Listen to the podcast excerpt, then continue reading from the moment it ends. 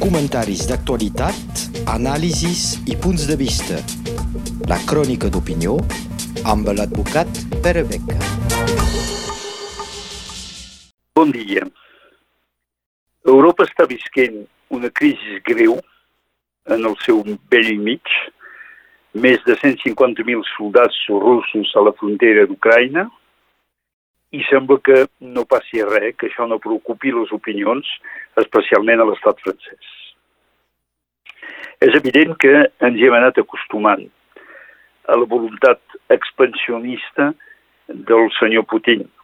Dic del senyor Putin i potser no de tot Rússia, encara que una part de la població d'aquest país sembla que adhereixi a aquesta eh, voluntat de recrear l'influència de l'antiga URSS Després del desastre d'Afganistan, mm, els russos van portar la guerra a Afganistan abans que els americans succeeixin. Després de l'absència quasi total militarment i políticament de Rússia a les dues guerres del Golf, que van portar els americans i una mica els anglesos, una mica els francesos, però majoritàriament americans, la voluntat de presència militar de Rússia s'ha manifestat en diferents llocs. Últimament, amb la Síria a favor del president Assad, amb totes les conseqüències que ja sabem, però també cada dia més en diversos països de l'Àfrica Central, amb aquest grup de mercenaris suposadament privats, anomenat Wagner, però que evidentment no poden funcionar sense l'ajut i l'apoyo polític del governament de Rússia sobretot aquesta voluntat d'influència, aquesta voluntat expansionista es va manifestar a la Crimea, amb una absència quasi total de conseqüències de la part dels països occidentals, amb el rol de Rússia a l'última guerra de l'Alt Karabakh, entre dos països antigament membres del bloc soviètic, i actualment, enfrente de l'Ucraïna, amb la situació una mica particular d'aquesta zona anomenada el Donbass, en la qual Putin i els russos expliquen que hi ha una població majoritàriament parlant rus i que té voluntat d'adherir a la Unió que s'està constituint al voltant de Rússia i de sortir de l'Ucraïna. Això, pels historiadors, recorda molt l'història que hi va haver-hi el 1938, amb la situació de la població anomenada els Sudets, membres de l'estat de Txecoslovaquia, els quals el Tercer Reich alemany va anar a portar assistència per fer-los entrar en l'àmbit de l'Alemanya. I això no va provocar tampoc gaire reacció de la part dels països occidentals.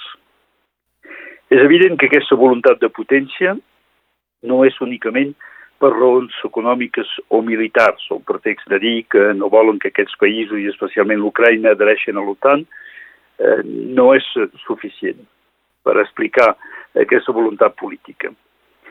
Aquesta voluntat política s'ha d'analitzar a través de la crisi econòmica i política que està visquent Rússia, amb una corrupció major organitzada des dels més alts nivells del poder.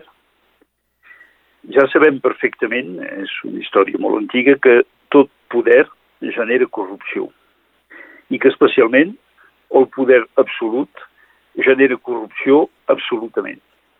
Però en el cas de Rússia és una cosa que ha pres una amplitud desconeguda fins ara, fins als més alts nivells del poder organitzat. I afegint-hi això crisis nacionals dels països de les voreres, que donen un exemple negatiu pel poder russi, és evident que hi ha hagut de la part de Putin i del seu govern una voluntat de restablir un sentiment nacional per tornar a aixecar el país. Recordem que el dictador Stalin va guanyar i conservar el poder molts anys gràcies al fet que hagi organitzat la resistència de Rússia contra Alemanya a través d'un conflicte exterior. I per molts anys no es va poder discutir qualsevol decisió d'aquest eh, dictador perquè eren justificades per el fet que eren l'heroi de la Segona Guerra Mundial. Doncs sembla que Putin i el seu govern estiguin buscant una mica de situació comparable, però això, evidentment, és molt perillós per als equilibris de tota Europa i per als equilibris del món. Perquè enfrenta d'això ens trobem, com sempre diria, o com moltes vegades anteriors almenys, amb la baixa capacitat de les democràcies per contestar. No vull parlar dels Estats Units, que estan molt més preocupats amb la lluita amb Xina i que es manifesten un cert desinterès per el que està passant a Europa, sinó amb la difícil unificació de les posicions europees. Sí que l'Emmanuel Macron, no com president de l'estat francès, sinó com president temporari de la Unió Europea, va anar a parlar amb Putin. Però tothom va veure aquelles imatges en les quals Putin escoltava, però que no va fer cap pas endavant per trobar una situació que hagués posat Europa d'igual a igual amb Rússia. Llavors que la realitat és que Europa té un pes, potser no militar, però segurament econòmic, molt superior al de Rússia. La dificultat de les democràcies sempre han sigut de com enfrontar un poder absolut sense denegar el seu sistema democràtic. En aquest cas, s'ha decidit utilitzar eines econòmiques, sancions, inclús sancions personals contra oligarcs, i això pot tenir certes conseqüències, com ara l'embargament de les seves pertinences eh, tota Europa, eh, que pot tenir conseqüències eh, especialment bancaris molt importants. Al revés, Rússia també té la possibilitat d'utilitzar sancions, i entre les quals el problema de l'alimentació d'energia i notablement del gas rus. Actualment, tot el gas que Europa compra a Rússia passa a través d'Ucraïna. Però s'ha pujat el projecte anomenat Mainstream, a fer passar eh, un eh, tubo sota les aigües de la Mar Bàltica per arribar directament als clients d'Europa Occidental i especialment a Alemanya. El que fa que Alemanya, evidentment, no té una posició igual que els altres països occidentals a favor d'Ucraïna, perquè Alemanya depèn directament d'aquest gas rus i també hi trobarà un interès econòmic. I aquí ens trobem amb les dificultats d'unificació de la política exterior d'Europa.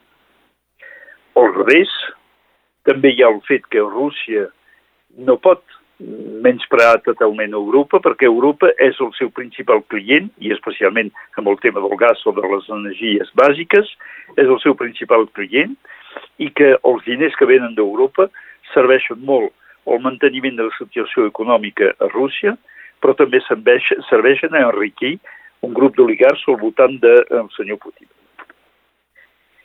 I això que la situació no és exactament igual a la que ha pogut ser eh, abans la Primera o la Segona Guerra Mundial. Especialment a Europa hi falta el sentiment nacionalista que estava molt fort en el moment de la Primera Guerra Mundial, potser una mica menys a la Segona, perquè va arribar en condicions diferents, però que va fer que la població es va aixecar en contra dels alemanys en aquest moment.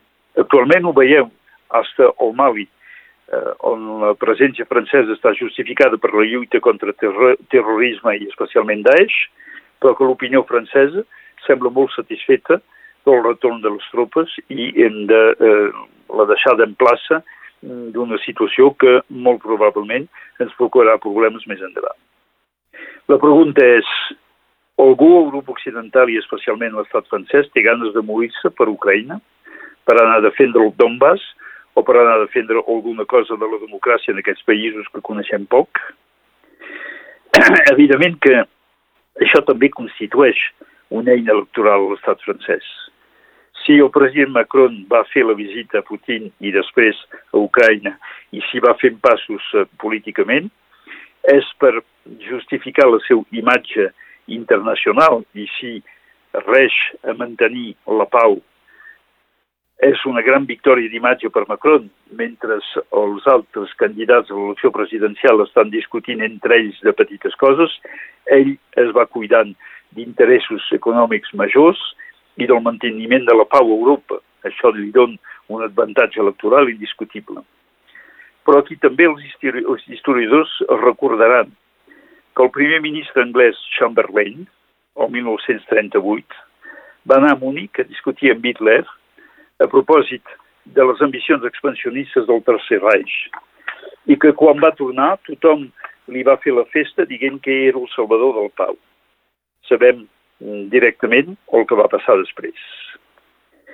És evident que aquest joc, mantenint un joc interior per Putin com per Macron, encara que no es pugui fer una comparació, evidentment, en cap manera, aquest joc doble de mantenir l'opinió nacional i de mantenir la pressió internacional és un joc molt perillós.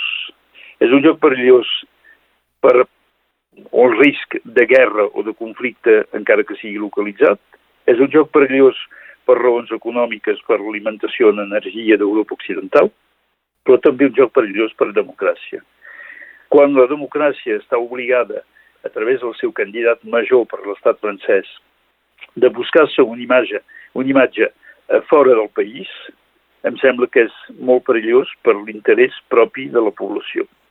I per això em sembla que s'hauria d'anar molt en cuidado amb aquesta crisi. Moltes gràcies. Comentaris d'actualitat, anàlisis i punts de vista. La crònica d'opinió amb l'advocat Pere Beca.